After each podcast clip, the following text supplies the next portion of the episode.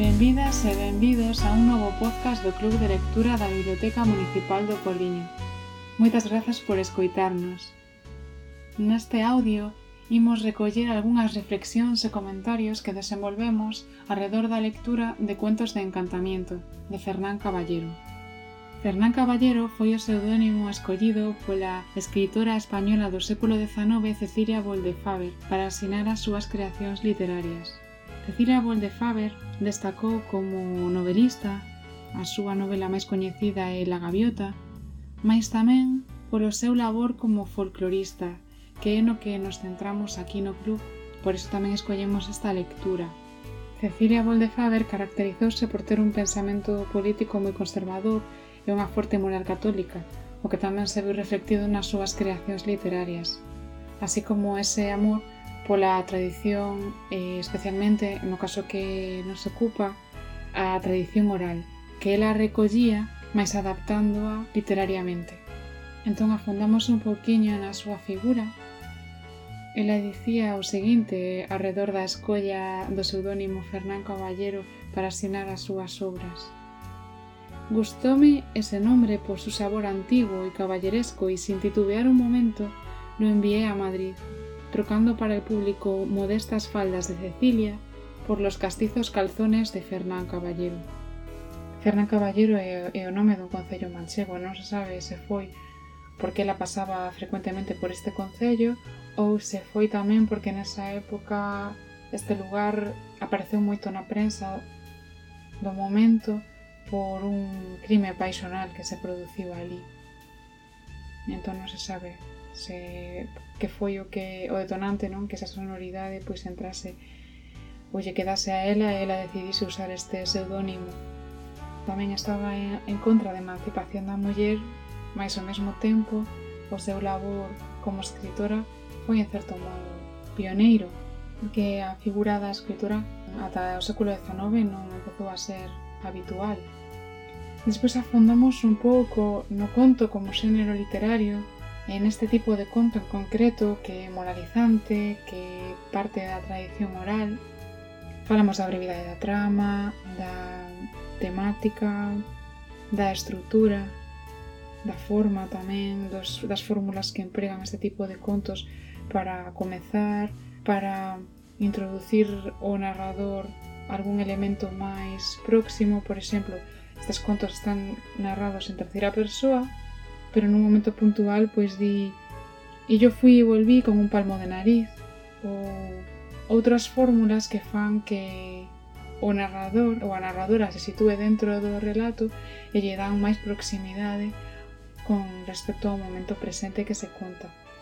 Falamos tamén dos valores que había en concreto había algúns que eran máis universais e había outros que eran moi, moi estaban moi centrados no, no momento, a cuestión dos roles masculinos e femininos que quizáis hoxe en día pois non están tan vixentes alrededor das tarefas e dos roles que tiñan que desempeñar as nenas eh, e os que tiñan que desempeñar os nenos. Eh, e tamén o emprego dos animais, ao igual que acontece en moitas fábulas, para cuestións moralizantes, é dicir, os animais teñen moitos, adquiren moitas calidades humanas, mas ao mesmo tempo conservan eses trazos ou eses valores que se lles adoita adxudicar ese animal en concreto. Por exemplo, pois a formiguinha que é moi traballadora, pero ao mesmo tempo vai a misa. Entón, xógase con, con esas dúas realidades. Os animais non son animais, se vemos máis alá, realmente son persoas, pero que teñen uns valores moi concretos e moi extendidos alrededor dese animal en concreto. Esta zorra astuta, a formiguinha traballadora, etc. E despois, ademais de todas as fórmulas e todas as cuestións eh, formais que, que se podían analizar no conto, vimos tamén un pouco iso tema da vixencia, se hoxe en día se seguen a contar contos aos nenos e as nenas,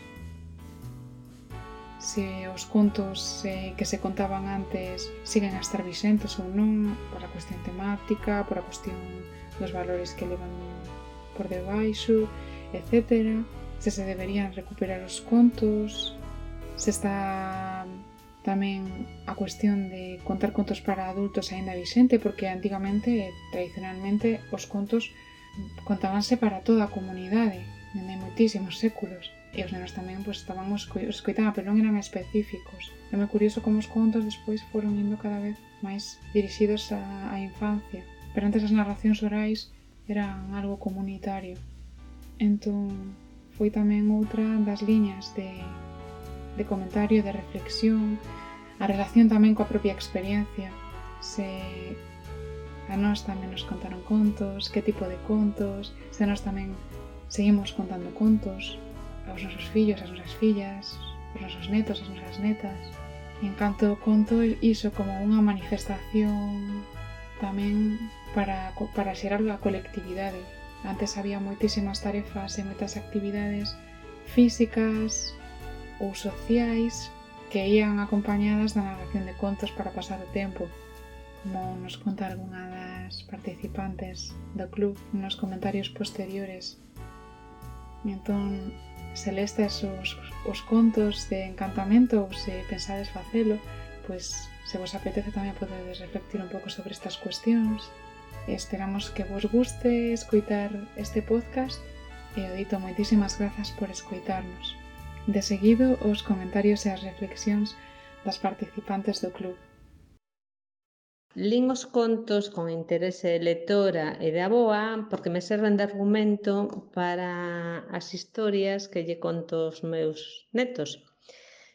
Por eso penso que mm, os contos tradicionales están tan vivos e, e son tan cambiantes como, mm, como contacontos haya, porque no meu caso utilizos e modificos según o valor que me interesa transmitirlle nun momento determinado.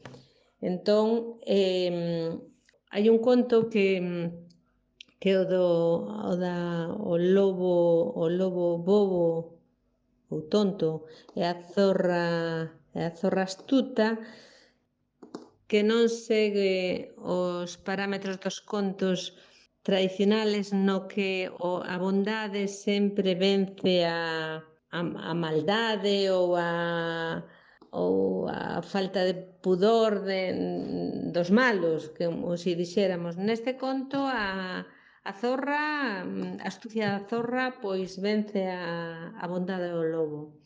Pero bueno, é outra forma de, de enseñarlle tamén que, que hai que ser mm, astuto, espabilado na, algunhas veces e non achantar con todo, con todo dicindo que todo está ben.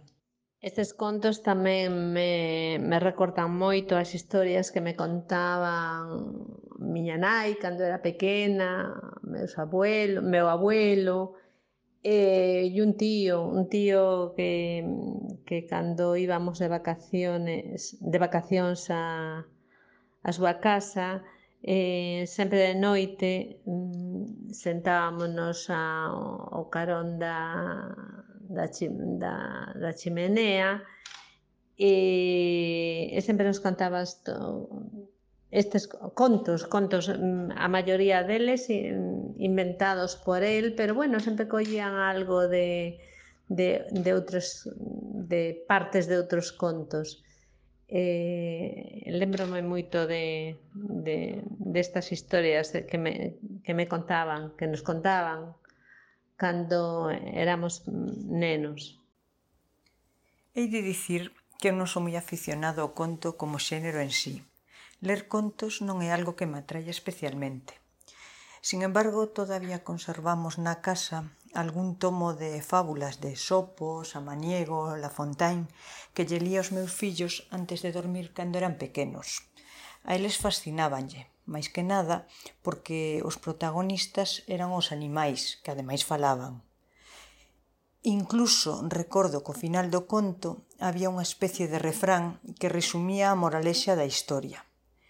Igual que a estes de Fernán Caballero, eran moralizantes, Non desexes o do veciño, disfruta do que tes ou atentas consecuencias, como o caso o que lle sucede aos velliños en los deseos. Non abuses da túa sorte, pois pódese voltar na túa contra, como lle sucede a Juan Cigarrón. A min o que me chamou a atención de todos os que lín, o que máis me chamou a atención e quixera fundar un pouco en el, é o titulado El pajarillo, porque nel, a pesar de, copa, eh, de que o paxaro comete toda clase de picardías, non parece recibir castigo algún. Estamos esperando hasta o final do eh, ata que remate o conto a ver se si che, lle chega dito castigo. Pero isto non sucede, senón que cando o rei o atrapa e decide comelo frito, sálvase e sae reforzado, adquirindo unha plumaxe todavía máis fermosa. Aquí non parece haber moralina, pero pode estar feito así a propósito pola autora, según o meu parecer, para indicarnos que ás veces as malas accións escapan á xusticia dos humanos e quedan sin castigo, sindo isto tamén unha ensinanza que forma parte do conto. Bueno, vou a dar a miña opinión sobre a lectura destes contos que a verdade trouxeronme moitos recordos de cando era nena, porque o primeiro que me recordou da formiguinha foi o do galo Quirico, cando quería ir á boda do tío Perico, que me contaban meus irmáns cando era pequena, porque eu era pequena de seis irmáns, e o maior levábame casi 20 anos, entón, contábanme contos así, e contábanme moitas fábulas, e entón isto trouxeme un recordo grandísimo de cando era pequena, porque en realidade, claro, contaban estas historias, e despois miña nai tamén era unha persona que lle gustaba moito eh, contar fábulas, eh, contar eh, así cousas enrevesadas de adivinanzas e cousas polo estilo. Entón, trouxe uns recordos moi, moi gratos de, de todo isto, de todo o que, o, que a verdad, como non tuve moito tempo, Lín poucos, que os penso ler todos, pero gustame moito. Eu, cando eran os meus fillos pequenos, tamén lle compraba todas as semanas un conto para que aprenderan a ler e aparte que, que empezaran a, que lle empezara a gustar a lectura. E de todos modos, tampouco sabía que, esta, que este Fernán Caballero que era unha muller, sinceramente, non había lido nada sobre ese tema e gustoume moito. De feito é que encontrei un libro de contos moi interesante e compreillo, eh, pasaba por unha librería que o mirei e compreillo para as miñas netas e trai varios contos, pero ningún como ese. O sea, des, dese, eh, dese estilo sí, pero para 50 contos que trae, non, non coincidiu ningún con estes que estuve vendo, porque lle botei un vistozo a ver que tal, e, e a é que non coincide ningún, pero todos son así leyendas, porque desde que son pequenos hasta que xa son máis maiorciños, e, e a verdade, a verdade é que me gustou muitísimo a, as tramas destes contos, e, e bueno, en fin, chamoume moita atención que, que puxeras estas, estes contos porque recórdame moitísimo, moitísimo de cando era pequena. E, claro, trae recuerdos desas infancias que, que tiñamos. Non sei se agora son distintas as infancias, pero daquela non había nin, a, nin televisión, nin había, só había radio que na tiña, nós tiñamos unha, por certo, e tamén escoitábamos os contos que poñían. E despois, os días de feira, nos povos, como no meu, que son de Redondela, supoño que en todos fondrían, viñan uns feirantes a contar contos, as, e todos os rapaces nos sentábamos con uns, con uns banquiños alrededor do, do, do que contaba as historias e nos ali como tontos mirando para el, pero encantábamos aquelas historias e despois iso de eras unha vez unha princesa e nos iso embelesábanos, claro, contar, oír esas cousas todas. E claro, pois isto trouxeme un recordo moi moi grande sobre ese tema. Vou comezar o, o resumo dos contos e as, e as fábulas de, de Fernán Caballero. Eh, vou comezar, bueno, pois pola, pola hormiguita, que, bueno, en principio eh, bueno, pois eh, casou co, co ratonciño, co ratiño, e bueno, cando o ratiño caeu na ola por torpe, tamén o ratiño era ben tontiño, pero bueno, eh, todos quixeron eh, axudala, todos quixeron pois, porse tristes, non sei se por por solidaridade ou por yo máis, porque un cortou a ala, outro cortou o piquiño, outro cortou non sei que, outro a fonte, outro non sei canto, Con iso non arreglaron nada, pero bueno, todos querían compartir con ela, pois non sei se a dor ou o que fose. E todos, eh, bueno, pois todos colaboraron, todos, bueno, todos se puxeron, foi unha maneira de solidarizarse co, co formiguiña. Logo a, o lobo e a zorra, a zorra astuta, pois eh, sería aquilo de non hai maior defensa que un bo ataque. A zorra comeu a mel, enganouno por tres veces e logo, pois, fixo quedar como de parviño. Por que? Bueno, pois porque cando conseguiu que ela a convidase a cear, bueno, pois, cando viu que non había mel, eh, atacouno dicindolle que le había comido a mel sin, sin convidala a ela. Entón, bueno, pois o, o pobre lobo Veuse tan acorralado que ao final non, non lle quedou máis remedio que dicir que sí, que había comido el, cando ao final a que había papado a, a mel foi a zorra. Aí a astucia, pois, da, da zorra, quizá das, da, do sexo feminino, quizá somos máis astutas que, que o sexo masculino, non sei. Depois o cabaleiro do, os caballeros del pez, bueno, pois a bondade non ten precio, a fe tampouco, a bella flor, bueno, pois bella flor, aí sí que se demostra que a bondade non ten precio, cando, cando se fai o ben sen esperar nada a cambio, pois eh, sempre, sempre ten recompensa, sempre hai unha recompensa cando, cando de verdade un, pois, fai algo polos demais sin, sin esperar nada a cambio entonces bueno, pois pues ese quizá é o, é o maior maior satisfacción de todos os xeitos son uns, unhas fábulas, uns contos moi benévolos e de moita fe que os mm, os cabalos falan, os peixes falan, os paxariños falan, no, no conto dos, dos dos meniños que que van polo río, que ao final resultan ser dos principiños, E entón, bueno, pois eh, falan e, e, e entenden o, o idioma das, das andoriñas e, bueno, eh, pois sí, está ben, eh, está ben contado, está ben explicado, pero son iso, contos. E, e bueno, quizás na, na miña época pois non había esa tradición de, de que os pais contasen contos aos fillos cando eran pequenos cando éramos pequenos, máis ben comprábanche os típico conto de Caperucita, Blancanieves, eh, contos así. E o que si che ensinaban pois era rezar polas noites, os catro esquinitas. E logo había un lugar dunha tata que si se contaban contos, que era pois por, a, por estas datas, máis ou menos, despois de fatelo aguardente, eh, que se xuntaba xente a, a esfollar, aquela xente que tiña millo, que collían millo, pois eh, ahora nestas datas, máis ou menos, despois de facer o viño, despois do San Martiño, pois a xente xuntábase nas, nas,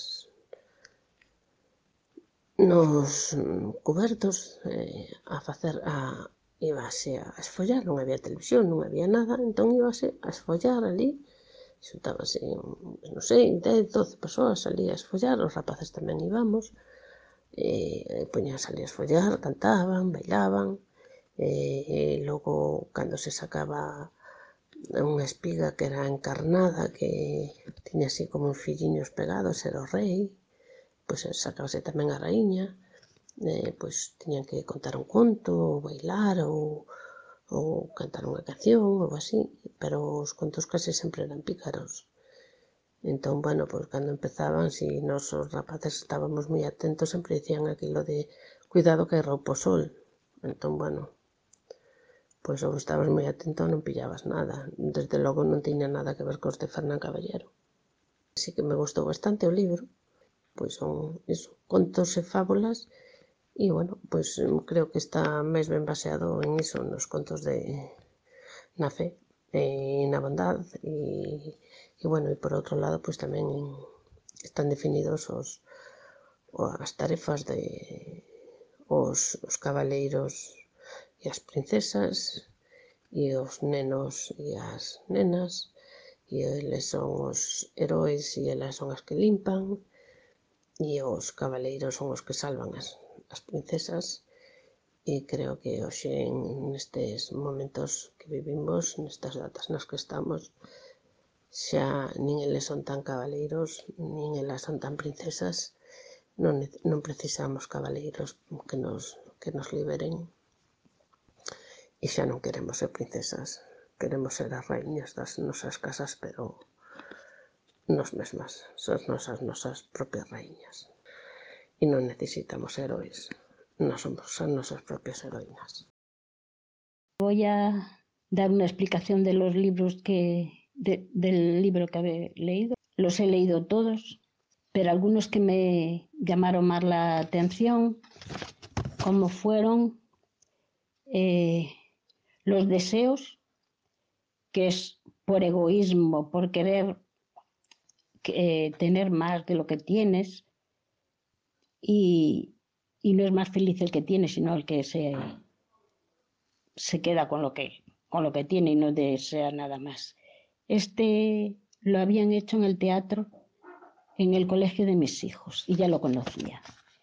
Y después tengo el carlango que las tres cabritas en la, calle, en que le ayuda a las abejas, porque su madre antes le, le había salvado a la reina. Y entonces quiero decir que a veces hay que ayudar a los demás porque pues te pueden recompensar de otra forma. Eh, y luego tengo el lirio azul, que es la envidia de unos hermanos que tampoco le valió de mucho porque al final el, el pequeño fue el más premiado que, que los otros. Así que la envidia no es buena. Y luego está eh, Bella Flor, que hay que hacer el bien. No se puede dejar de hacer el bien, aunque a veces la recompensa no sea la adecuada.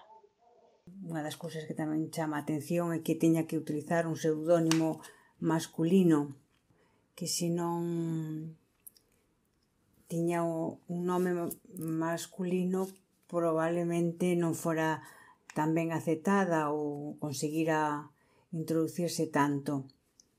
O conto é unha narración breve, breve sinxela, é unha forma de transmitirnos pois desde costumes, eh, moralejas, contidos éticos, eh, de, de xeneracións en xeneracións. Son dez contos Son uns máis breves, outros máis longos. Cada un ten a súa... Bueno, pois nos contan cousas distintas. E o primeiro conto é o do o lobo bobo e la zorra astuta. Mm, bueno, pois aquí un pouco é eh, que sí, que eh, hai que a reflexión e hai que ser bos, pero non eh, confiados, pero non bobos, non? O sea, eh, todo ten pois límites. Eh, bueno, logo ten unha trama moi graciosa, non? Así as frases estas de empecili, metadili e acabili, como os foi introducindo eh, no texto, é eh, unha, vamos, unha cousa eh, Como sempre, a zorra astuta pois é a que sempre vai de lista e o zorro pois nos leva a outros contos, non? Que das nosa, da nosa infancia que tamén sempre a zorra é a astuta, non? E despois, pois, Los tres maridos, o seguinte conto, tamén nos a, a moraleja un pouco que quito en conclusión, pois, facelos o máis sinxelo posible e mm, que mm, todas as opcións teñen uns pros e os contras, que o vai describindo a rei dos distintos viaxes, que mm, pois eh, ao final non, non só é a decisión dunha non influye unha sola decisión na hora de tomar as, a hora de tomar de ter que tomar unha decisión, sino que realmente a veces pois necesitas todo máis dunha razón para para conseguir un feito, non? Eh, bueno, pois aquí eso, é a trama entonces así de que van por distintos países, bueno, non tes unha razón, sino que a veces necesitas ter en conta máis factores. Eh, Bella Flor son pois un pouco os desaires que aparecen a, nas herencias, eh, así estas cousas tan manidas por nós aquí en Galicia co, cos hermanos máis usureros, o hermano bondadoso, aquí, pois, bueno, redunda moito, non? Non só perde o hermano bondadoso por axudar, non só perde herencia, eh, senón que, bueno, despois incluso axuda ao seu irmán, Mm, este ainda non queda contento, sino que trata de pois de facerlle daño, e bueno, entonces ao final a conclusión é que a, a bondad sempre pon a, lo pon, pon unha prueba eh, con múltiples enredos, eh, este home sale sempre airoso e que non se deje de facer nunca mm, o ben, sempre serás recompensado hasta pola alma do difunto que te saca de apuros, non? eh, a verdad que está moi redundando. Dá moito mm, fai moitísimo fincapé en que a bondá é a que triunfa. Eh, imagino que nesa época pois tamén era un pouco para dejar de ser tan terrenales e, e a pesar de que se vivirían momentos pois de moita miseria que sempre había que andar axudándose uns aos outros. Eh, o seguinte, los deseos. En este mm, tamén conta que non se pode estar sempre pois deseando o ben do veciño, as cousas as cousas do veciño, eh, senón que mm, eh, non debes estar na procura de, de ter máis cousas, eh, que ven a decir que por máis cousas que teñas que non vas a ser máis feliz, non? Eh, no, tamén outra cousa que dice que ten, ten cuidado co que desexas non vai a ser. Eh, bueno, aquí dalle moitas voltas tamén a eso. Podíamos decir en este pois que non é máis feliz can máis ten, sino que sabe vivir co, coas cousas que ten. Eh, vou a pasar xa el pícaro e el pajarillo. Este quizás é o conto máis imaginativo que describe Eh, como Pícaro sempre se sale coa súa, sempre se aproveita de todos, que fai 50.000 fechorías e sempre sale airoso, non? Para facer así un pouco a reflexión. La zorra e las vegetas é o siguiente. A zorra é un personaje sempre embaucador e listo, e en este caso, pois, pues, un pouco non, as, cousas, as cousas non son como empezan, senón como acaban. E ao final ai, pasalle fatura e a vejeta que se queda con todo e a zorra pois pasouse da astuta, non? E o, o siguiente é la, la joroba, que ven sendo xa o seis, o conto sexto. En este conto, pois tamén é moi gracioso, ocurrente, eh, bastante indicado pos nenos, e un pouco é que non se lle fagan pois desprecios a xente pobre ou a xente máis desfavorecida, pois tal como actúas mm, podeche pasar factura a ti, pode ir en contra túa, non? Eh, se le puso aquí, puselle unha rima, eh, yo fui volví con un palmo en la nariz, ten así un, un incluso parece que podes incluso cantala, non? Ten así eh, versos para pa rimar, parecen pareados.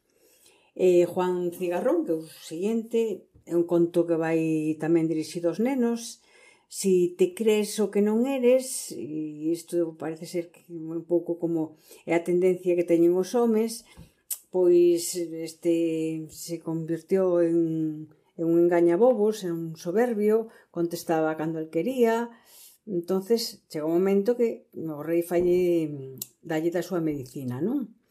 Para hacer eh, para facelo máis atractivo, mm, tamén utilizou pareados con rima, hai San Bruno tal tal, bueno, mm, tamén un conto mm, ben ben escrito e, e gracioso ten o siguiente o, o zurrón que cantaba.